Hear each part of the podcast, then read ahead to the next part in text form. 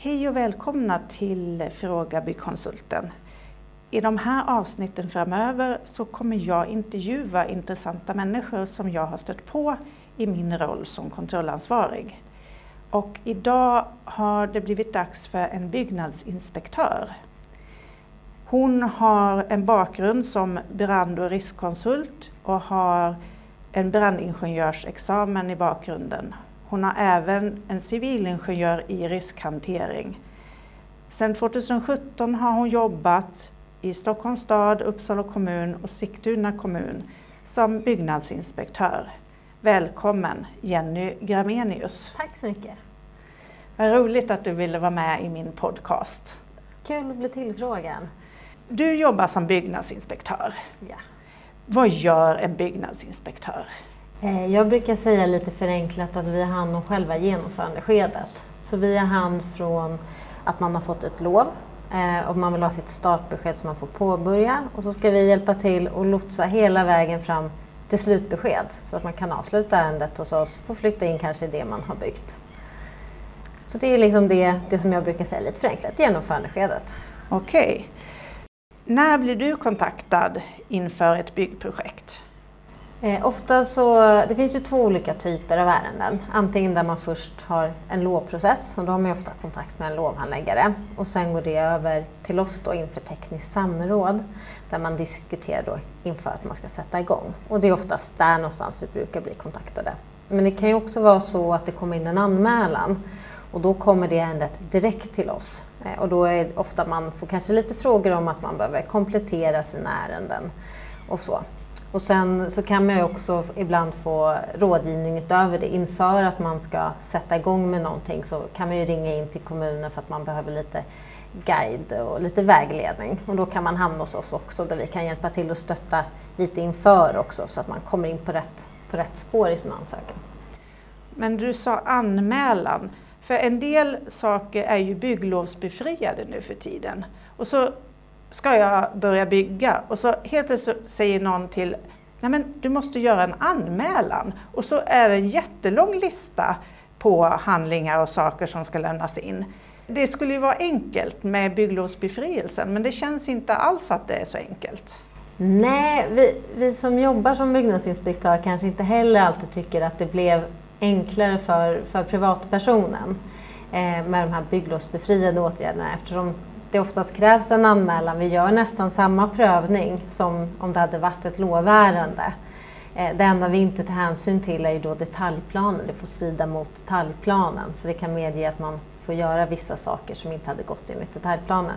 Men det är ju samma prövning vi ska göra mot lagstiftningen så därför kan det bli en liten chock när man tänker att man bara behöver säga till att man ska göra någonting och så får man får man en lista där vi vill se på att man uppfyller alla krav. Så det, det har vi förståelse för. Det är många som eh, kontaktar mig i det skedet och undrar att hjälp, vad är det här? Jag behöver hjälp. Och då brukar jag kunna hjälpa till och ta fram lite enklare ritningar och så. Men det går väl bra att vem som helst kan rita enligt era direktiv? Ja, så länge de är eh, vad brukar man säga, fackmannamässigt gjorda, det ska vara tydligt, det ska vara någon som ändå har en viss kompetens inom området också. Jag själv som inte har någon konstruktion eller byggingenjör i bakgrunden skulle jag aldrig ge mig på att göra konstruktionsritningar. Eh, så det ska vara, man ska ha en viss kunskap och de ska vara fackmannamässigt gjorda. Sen kan man ju alltid höra av sig till, till handläggaren som har skickat ut att man vill in kompletteringar och fråga lite mer vilken nivå de ska vara på och så. Och så kan man diskutera lite vad är det som behövs i ärendet och så där innan man tar fram alla ritningar. tycker jag att man ska göra ifall man känner sig lite vilsen när man har fått ett brev.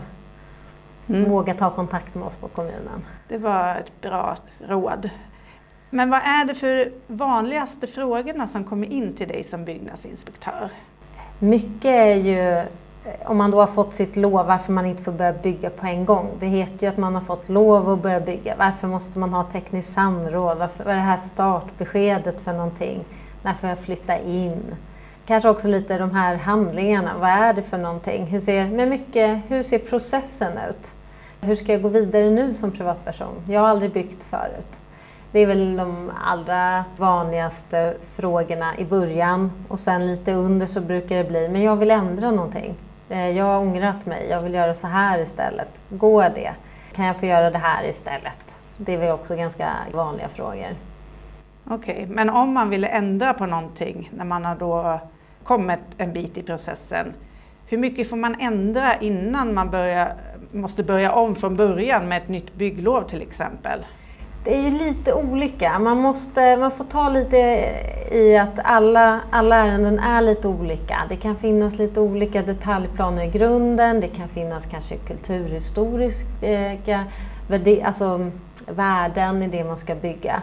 Så att det kan vara, vissa små saker brukar gå bra, men när det börjar bli lite större eller påverka någon av de här värdena, då kan det bli nytt lov för hela eller delar. Så där skulle jag rekommendera att man alltid tar kontakt med kommunen innan man gör det. Så skicka iväg ett mejl eller en, ett eh, ring och fråga. Vi vill göra det här och ha gärna någon tydlig skiss på det man vill göra så att man förstår tydligt vad det är. Så kan man diskutera. Går det att rymma inom befintligt lov eller behövs det ett nytt? Och så får man ta det med sin kommun. Det är olika lite från kommun till kommun och lite beroende på var just, just ditt hus ligger någonstans. Ja, det verkar vara väldigt mycket olika regler beroende just på var jag bor. Och det är ju en sak som, ja men min kompis som bor där har gjort så här, varför kan inte jag göra likadant? Eh, det är ju också en väldigt vanlig fundering som jag har fått. Mm, och det kan ju, ibland eh, beror det på att kommunerna har ju fått uppdrag att, att tolka reglerna och då går vi ofta enligt de rättspraxis som finns och finns inte det så blir det ju upp till kommunen att göra en, en bedömning i den frågan. Sen kan det ju vara att det kanske finns en detaljplan bakom eller någonting annat som är olika. Även fast det känns som att man har ett likvärdigt hus så kan det ju vara så att detaljplanerna är ganska olika, vad de medger och inte medger. Som också kan vara, som man då också behöver titta lite djupare på om man vill få fram varför det är. Men tanken är ju att det ska, ska försöka vara så likriktat som, som möjligt över landet. Det är väl det de flesta strävar efter men då måste det också komma lite, lite rättspraxis ovanifrån i vissa frågor där det inte, finns, där det inte står så tydligt i reglerna eller där man inte kan hitta så tydligt kanske på Boverkets kunskapsbank som man kan ta lite hjälp av hur man, hur man ska bedöma vissa frågor. Mm, intressant. Men när jag har skickat in då min ansökan eller anmälan som det heter, eller då när jag har fått mitt bygglov och vi ska gå mot tekniskt samråd. Vad gör du då med de ritningarna och sånt som ska skickas in? Då när vi har fått in alla handlingar då tittar vi på dels är det några handlingar vi saknar och då kommer vi skicka ut att ni behöver komplettera med det här. Hur är kvaliteten på de ritningar som har kommit in? Är det, det kan vara varierande, det kan vara väldigt fina gjorda ritningar och det kan vara ritningar där vi inte förstår vad det är man gör faktiskt, eh, ibland. Så då måste de hålla en viss, viss kvalitet så att vi förstår vad det är man gör. Eh, men vi, vi tittar på de ritningarna, ser, ser allting bra ut, då kanske vi kan skriva ut ett startbesked på en gång. Och så får man sätta igång och göra det man ska. Om det är ett större ärende, då vill vi oftast ha ett tekniskt samråd innan. Och på det så tittar vi ju igenom handlingarna gemensamt. Man får svara på, på de frågorna vi har. Så att syftet är ju att vi ska kunna göra bedömningen att man kan anta att ni kommer kunna uppfylla kraven. Så det är det vi tittar på. Redovisar man tillräckligt tydligt att man helt enkelt har koll på det man gör? Eller känns det som att man inte kanske förstår vad det är för krav man ska uppfylla och det är lite oklart hur man ska uppfylla det här. Så man ska ju tänka på att det man bor och bygger det ska ju användas av flera framöver. Vi bygger ju även för framtida generationer. Så det är därför vi kanske är lite petiga ibland på att försöka förstå vad det är folk vill göra. Men vad är det, de vanligaste felen på de handlingarna som du får in? Finns det någonting som sticker ut som skulle vara enkelt att ordna om man bara tänker till lite i förväg? På ritningar kan det vara att man har gett sig på att rita saker själv och det blir väldigt otydligt för man kanske inte är så van att rita i olika perspektiv. Man kan blanda lite 2D och 3D har jag sett ibland på ritningar. Att man inte får med all information, det är inte tydligt vad som framförallt kanske vid förändringar, hur har det sett ut innan, vad vill vi göra nu? Men det är oftast det att det är lite otydligt, att vi förstår inte riktigt vad, vad det är som ska in. Och sen är det ganska vanligt också att eh, många kommuner har ju punktlister på de här handlingarna ska vi få in.